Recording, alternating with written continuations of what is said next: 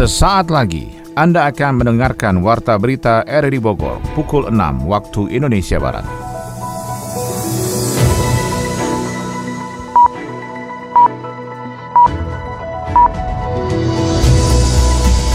Selamat pagi dan salam jumpa. Kembali kami hadir dalam Warta Berita edisi hari ini, Kamis 10 Februari 2022. Siaran ini bisa Anda dengarkan melalui audio streaming pada aplikasi RRI Play di perangkat smartphone Anda dan turut disiarkan Radio Tegar Beriman Kabupaten Bogor. Berikut kami sampaikan berita utama.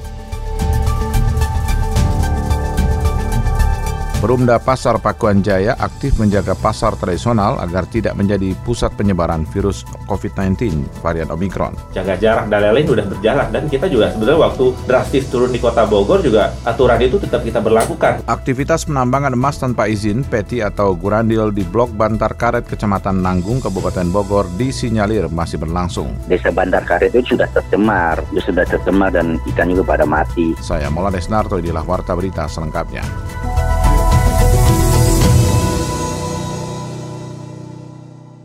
Tim Satgas Pungli Polda Jabar akhirnya melakukan pemeriksaan dugaan markup harga sembako dan pemotongan uang bantuan dalam program BPNT di Kecamatan Parung dan Gunung Sindur, Kabupaten Bogor. Hal itu merupakan tindak lanjut dari laporan sejumlah tenaga kerja sosial kemasyarakatan di wilayah tersebut yang menilai harga paket sembako yang diberikan tidak sesuai dengan nilai yang seharusnya diterima peserta program bantuan pangan dan tunai Kementerian Sosial. Salah seorang dari tim advokasi warga Abdul Aziz mengatakan, tim sabar pungli dari Provinsi Jawa Barat tersebut sedikitnya telah mendatangi dua kios sembako dan dua petugas aparatur kecamatan setempat. Nah, di dasar laporan warga, jadi banyak keluhan datang dari eh, ke kepala desa dan ke kadus, kepala dusun, kaitan dengan eh, kurangnya volume bantuan program sembako BPNT. Nah, karena itu Sambar Pungli mendapat informasi tersebut mendatangi agen salah satu agen di Parung setara awal di ini di Desa Cogre yang di Gunung Sindur belum. Tim Sabar Pungli Jabar terdiri dari petugas kepolisian dari Polda Jabar, Dinas Sosial Provinsi dan tim inspektorat. Mereka akan memverifikasi ulang data penerima dan bantuan pangan yang telah dicairkan melalui kios supplier sembako yang ditunjuk dari laporan yang diterima TKSK paket bantuan pangan senilai Rp200.000 rupiah yang dikonversi dengan beras, telur, susu, dan buah-buahan nilainya tidak sesuai.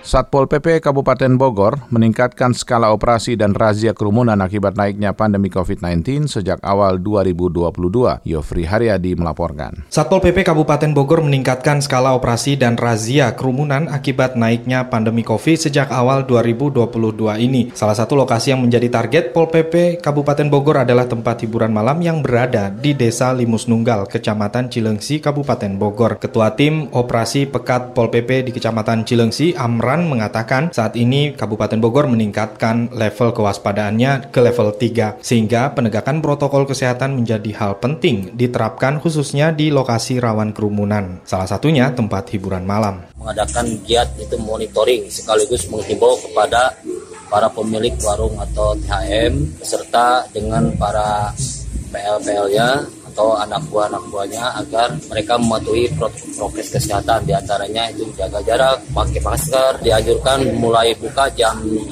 malam sampai jam 22 atau jam 10 terutama masker yang paling utama jangan sampai eh, para mucikari, para PPL itu keluar dia bebas dia tanpa masker. Sementara itu Kepala Bidang Pengendalian dan Operasi Pol PP Kabupaten Bogor Rama Kodara menambahkan operasi pekat akan ditingkatkan di sejumlah objek wisata di Kabupaten Bogor. Tidak hanya razia masker saja. Petugas juga mengamankan pekerja malam di tempat hiburan dalam operasi dimaksud. Petugas juga melakukan pemeriksaan swab dan rapid test termasuk himbauan vaksin kepada pengunjung THM di Limus Nunggal, Cilengsi, Bogor. Kegiatan pekan ini masyarakat bisa disadar apalagi nanti yang dari pihak para wanita itu dia merasa memang tidak nyaman dengan hari kegiatan operasi.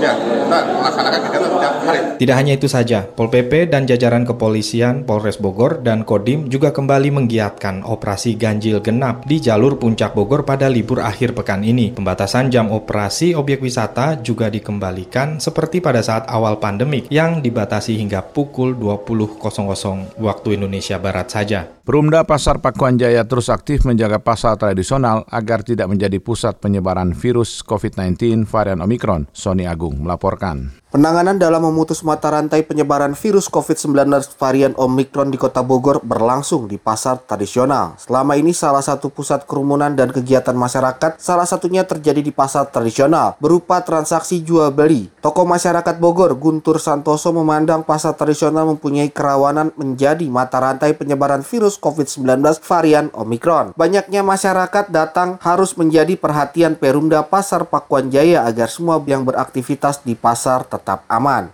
Saya kira kita harus harus tetap waspada dalam hal ini karena biar bagaimanapun yang namanya pandemi ini adalah musuh bersama. Jadi tidak bisa kita bertindak sendiri-sendiri, mempunyai aturan sendiri-sendiri. Dan tadi saya sangat setuju dengan Pak Dirut yang selalu menekankan untuk mengikuti aturan dari pusat. Saya kira kalau dilihat dari Omikron, jangankan tempat-tempat ya agak kumuh misalnya ya. Di tempat bersih pun ya terjadi paparan omikron jadi ini namanya juga pandemi ini akan meluas di mana-mana. Menyikapi hal tersebut Direktur Utama Perumda Pasar Pakuan Jaya Muzakir menjelaskan pihaknya sudah melakukan sejumlah penanganan untuk dapat memutus mata rantai penyebaran COVID-19 varian Omikron penerapan protokol kesehatan menjadi kata kunci dalam memutus mata rantai penyebaran ditambah adanya penggunaan aplikasi peduli lindungi untuk mengetahui pengunjung yang datang. Pemberian vaksin vaksin kepada pedagang juga sudah terlaksana seluruhnya sehingga bisa membuat aman masyarakat saat bertransaksi. Yang boleh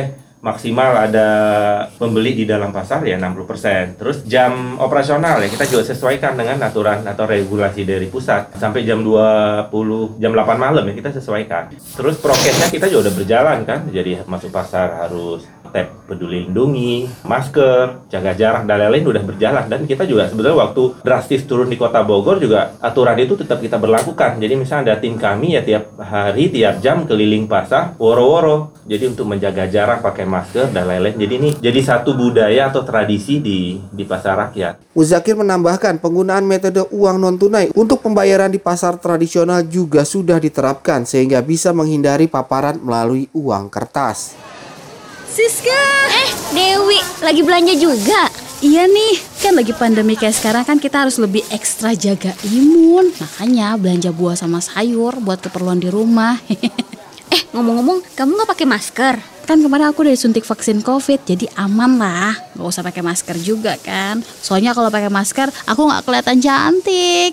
Oh, hati-hati. Walau udah vaksin, tetap aja harus jaga protokol kesehatan. Nggak boleh loh diabein. Contohnya nih, rekan kantor aku aja udah divaksin, masih tetap terkena virus COVID. Wah, serem juga ya. Mm-mm. Kalau gitu, aku beli masker dulu ya. Tetap harus pakai masker ya, mencuci tangan, dan menjaga jarak aman. Vaksin bukan obat untuk menyembuhkan COVID-19. Untuk itu, tetap patuhi protokol kesehatan, memakai masker, menjaga jarak, mencuci tangan, menjauhi kerumunan, dan mengurangi mobilitas. Aktivitas penambangan emas tanpa izin peti atau gurandil di Blok Bantar Karet, Kecamatan Nanggung, Kabupaten Bogor, disinyalir masih berlangsung. Hal itu terbukti dari banyaknya ikan di aliran sungai Cikaniki yang mati, diduga tercemar oleh limbah merkuri akibat pengolahan biji emas ilegal. Yofri Haryadi melaporkan. Desa Bantar Karet itu sudah tercemar, itu sudah tercemar dan ikan juga pada mati kan gitu. Jadi kan ada dugaan kuatnya ini adalah pembuangan limbah. Aktivitas penambangan emas tanpa izin, peti atau dikenal dengan sebutan lokal Gurandil di Blok Bantar Karet, Kecamatan Nanggung, Kabupaten Bogor masih dilakukan. Hal itu terbukti dari banyaknya ikan di kolam dan aliran sungai Cikaniki yang mati yang diduga tercemar limbah merkuri akibat pengolahan biji emas ilegal. Dan info itu memang benar ya, kejadiannya kurang lebih sudah seminggu sampai hari ini ya. Nah kejadiannya memang keruhnya itu dari pagi uh-huh. sampai subuh. Kalau siang gini mending nih, dan mending ya. Kita membuangnya mulai maghrib. Ya mungkin itu bisa jadi sumbernya dari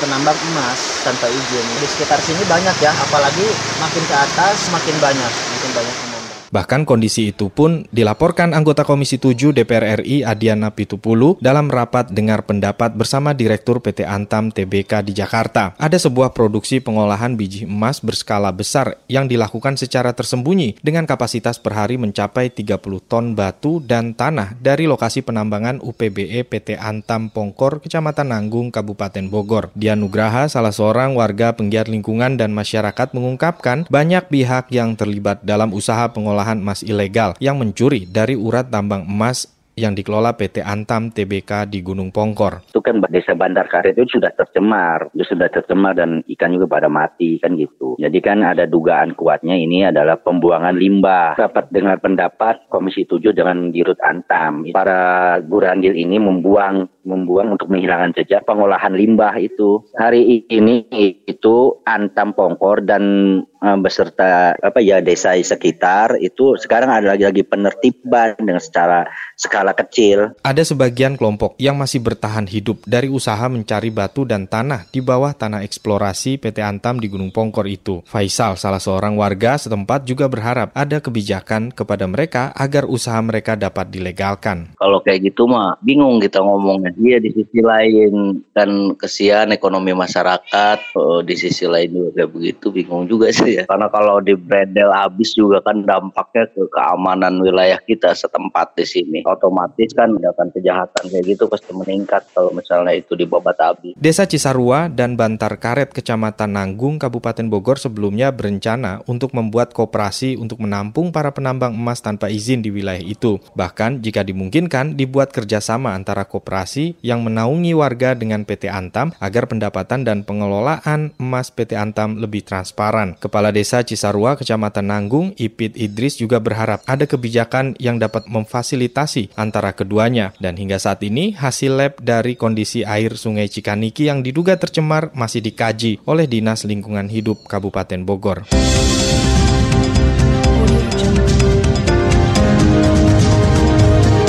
Anda tengah mendengarkan Warta Berita RRI Bogor.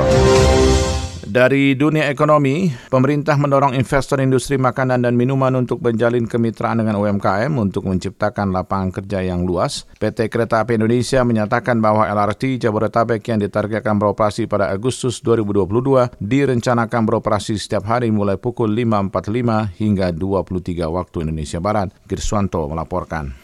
Pemerintah mendorong investor industri makanan dan minuman untuk menjalin kemitraan dengan UMKM guna menciptakan lapangan kerja yang lebih luas. Sekretaris Utama dan Deputi Bidang Promosi Penanaman Modal Kementerian Investasi Badan Koordinasi Penanaman Modal BKPM Iqmal Lukman mengatakan pemerintah sudah sepatutnya mendorong investor yang mau berkolaborasi dengan UMKM. Ia menambahkan bahwa kegiatan investasi sektor makanan dan minuman menjadi sektor yang esensial sebagai penggerak pertumbuhan ekonomi guna memulihkan ekonomi nasional akibat pandemi COVID-19. United Nations Conference on Trade and Development UNCTAD memperkirakan bahwa arus investasi asing langsung FDI di dunia akan turun sekitar 30 hingga 40 persen pada tahun 2020-2021. Di tengah penurunan FDI tersebut, Iqmal mengatakan Indonesia perlu mensyukuri karena masih ada sebagian perusahaan besar yang memiliki keinginan untuk investasi di Indonesia. Salah satu contohnya yakni perusahaan makanan dan minuman asal Amerika Serikat, Mondelez International. Menurut data yang dihimpun Iqmal, realisasi investasi Amerika Serikat di Indonesia menduduki peringkat keempat pada 2021 dengan total nilai transaksi investasi sekitar 2,5 miliar dolar Amerika. Iqmal mengatakan Mondelez memberikan kontribusi sebesar 1,46 persen atau sekitar 26,6 juta dolar Amerika dari investasi Amerika Serikat yang masuk ke Indonesia dan direalisasikan pada tahun 2021 lalu. PT Kereta Api Indonesia Persero menyatakan bahwa LRT Jabodebek yang ditargetkan beroperasi pada Agustus 2022 direncanakan beroperasi setiap hari mulai pukul 05.45 waktu Indonesia Barat hingga 23 waktu Indonesia Barat. Vice President Public Relation KAI Johnny Martinus mengatakan jam pelayanan tersebut untuk memenuhi kebutuhan pelanggan dalam mengawal aktivitas di pagi hari sampai menjelang tengah malam. Ia mengungkapkan KAI juga akan melakukan pengecekan atau perawatan setelah jam operasional maupun secara berkala untuk menjamin keselamatan perjalanan LRT Jabodebek. Pada saat beroperasi, headway atau waktu antara LRT Jabodebek pada tiga lintas pelayanannya sangat singkat. Headway pada lintas pelayanan 1 antara Harjamukti Cawang dan lintas pelayanan 3 Jatimulya Cawang hanya 6 menit. Bahkan lintas pelayanan 2 Cawang Duku Atas hanya 3 menit. Singkatnya, headway LRT Jabodebek dipengaruhi oleh sistem Communication Based Train Control CBTC yang digunakan. Sistem ini dapat mengoperasikan kereta dan memproyeksikan jadwal secara otomatis disertai supervisi dari pusat kendali operasi. KAI berencana mengoperasikan hingga 27 train set LRT Jabodebek per hari, di mana dalam satu train set terdiri dari 6 unit kereta. Dengan demikian akan terdapat 560 perjalanan LRT Jabodebek yang akan melayani 140 ribu pelanggan per hari. Dalam kondisi normal, satu train set LRT Jabodebek berkapasitas 740 pelanggan dengan konfigurasi 174 duduk dan 566 berdiri. Namun jika kondisi padat, LRT Jabodebek dapat menampung 1.308 pelanggan. Sementara itu Presiden Jokowi mengundang investor mancanegara menanamkan modalnya di Indonesia. Ekonom sekaligus Direktur Center of Sustainable Development Columbia University, Jeffrey Desach, meminta presidensi G20 yang dipimpin Indonesia mendorong negara-negara maju menyediakan 100 miliar US dollar dalam rangka penanganan perubahan iklim. Kita akan ikuti dua laporan ini bersama Adi Fajar Nugraha. Presiden Joko Widodo mengundang investor menanamkan modalnya di Indonesia. Ia juga menjamin keamanan investasi para investor tersebut. Pada kesempatan sama, Jokowi menyebut tren investasi di Indonesia menunjukkan kabar menggembirakan. Realisasi investasi tahun lalu mencapai 901 triliun rupiah atau tumbuh 9% dari tahun sebelumnya. Ini menurutnya menunjukkan kepercayaan dunia internasional terhadap Indonesia di tengah pandemi COVID-19. Di sisi lain, ia turut membeberkan beberapa indikator pemulihan ekonomi di Indonesia. Pertama, pertumbuhan GDP pada kuartal 4 2021 yang mencapai 5,02 persen. Kedua, purchasing manager Managers Index manufaktur yang menembus 53,7 pada Januari 2022 lebih ekspansif dari PMI ASEAN di level 52,7. Ketiga, realisasi ekspor pada 2021 yang tumbuh 41,9 persen dengan nilai 232 miliar US dollar, tertinggi sepanjang sejarah dengan didorong industrialisasi dan hilirisasi besi baja. Lalu indeks keyakinan konsumen mandiri sekuritas kembali ke level optimis di kisaran 118,3 pada Desember 2021. Jokowi menyebut hal ini menunjukkan tingkat belanja masyarakat yang naik lebih tinggi dari level sebelum pandemi COVID-19. Ekonom sekaligus Direktur Center of Sustainable Development Columbia University, Jeffrey Sess, meminta presidensi G20 yang dipimpin oleh Indonesia dapat mendorong negara-negara maju menyediakan 100 miliar US dollar dalam rangka penanganan perubahan iklim. Sess menyatakan negara maju yang membawa emisi karbon ke dunia dengan berbagai inovasi teknologi hingga mengakibatkan suhu global naik. Di sisi lain, negara-negara maju tersebut tidak bersedia memenuhi komitmennya untuk menyediakan dana sebesar 100 miliar US dollar sebagai pertanggungjawaban terhadap yang telah dilakukan kepada dunia. Padahal menurut SAS, dana sebesar 100 miliar US dollar hanya satu persen dari pendapatan global yang masih sangat jauh dari total dana yang dibutuhkan untuk mengatasi perubahan iklim. Oleh sebab itu Indonesia sebagai ketua presidensi G20 harus mampu mendorong negara maju seperti China, Amerika Serikat maupun Eropa untuk segera menyediakan dana tersebut. Ia menegaskan kerjasama dan sinergi merupakan kunci utama dalam mengatasi isu perubahan iklim terlebih dengan mengolaborasikan masing-masing potensi yang dimiliki oleh negara-negara maju.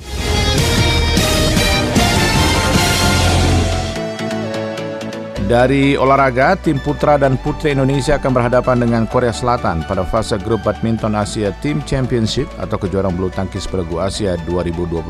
M. Ridwan, atlet tarun derajat binaan Satuan Latihan Ciawi berhasil lolos dari babak kualifikasi Poprov Jabar dan dipastikan masuk kontingen Kabupaten Bogor untuk berjuang pada perhelatan olahraga bergengsi setanah Pasundan. Kita akan ikuti laporan olahraga bersama Ermelinda. Tim putra dan putri Indonesia akan berhadapan dengan Korea Selatan pada fase grup badminton Asia Team Championships atau kejuaraan bulu tangkis bergu Asia 2022.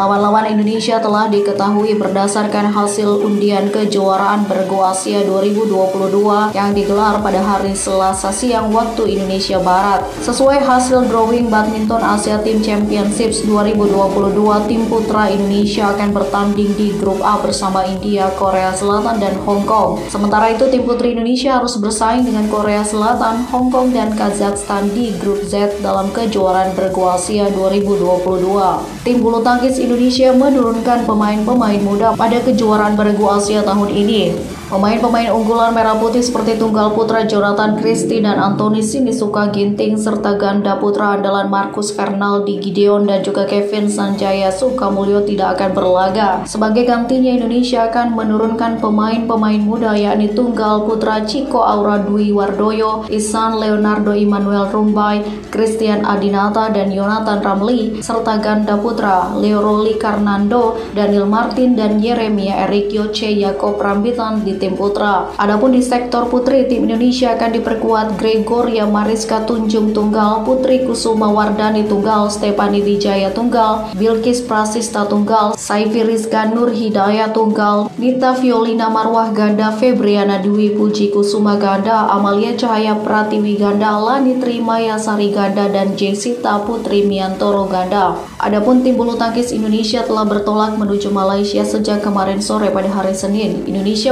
memutuskan berangkat lebih awal karena akan melakukan karantina selama lima hari di Malaysia. M. Atlet tarung derajat binaan satuan latihan Ciawi berhasil lolos pada babak kualifikasi Porprov Jabar dan dipastikan masuk gerbong Kabupaten Bogor untuk berjuang pada perhelatan olahraga bergengsi setanah Pasundan. M. Sendiri bermain di kelas 64,67 tarung. Saat ini pola peningkatan latihan M. Juga lebih dimaksimalkan. Satlat tarung derajat Ciawi sendiri saat ini memiliki 40 petarung mulai dari anak usia dini hingga belasan tahun. Aldi Irwan Pelatih tarung derajat Kabupaten Bogor, mengatakan dirinya sangat bersyukur. Salah satu atletnya akhirnya berhasil lolos babak kualifikasi dan siap berjuang di Porprov Jabar 2022. Ia berharap ke depannya ada banyak petarung dari Satlat Ciawi yang bisa berprestasi di event-event besar untuk mengharumkan nama daerah. Sementara ini baru Obet ya yang Muhammad Ridwan ini yang tembus di PK Polda kemarin. Memang sih sebelum-sebelumnya ada, cuman karena usia jadi pada down semua. Cuman Obet doang yang lolos satu-satunya atlet kita. Kita program mungkin untuk Obet untuk latihan fisik sama materi ya teknik diperbanyak lagi banyakin juga latihan pribadinya. Sama ada latihan khusus ya setiap malam sama saya juga. Nggak cuma latihan di satlat ya nggak cuma di tempat latihan tapi ada lagi latihan khusus di jam-jam tertentu setelah di luar jadwal latihan. Untuk program latihan fisik teknik sama teknik tarung juga Aldi Irwan mengatakan babak kualifikasi Porprov sendiri Kodrat Kabupaten Bogor menurunkan 27 atlet. Aldi berharap para atletnya bisa selalu kompak dan lebih mengutamakan kekeluargaan dan seluruh atlet senior yang bakal tampil di Porprov Jawa Barat bisa mewujudkan mimpi meraih medali emas.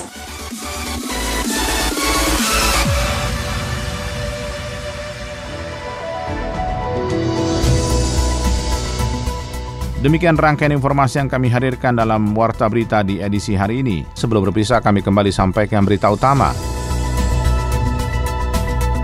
Perumda Pasar Pakuan Jaya aktif menjaga pasar tradisional agar tidak menjadi pusat penyebaran virus COVID-19 varian Omikron.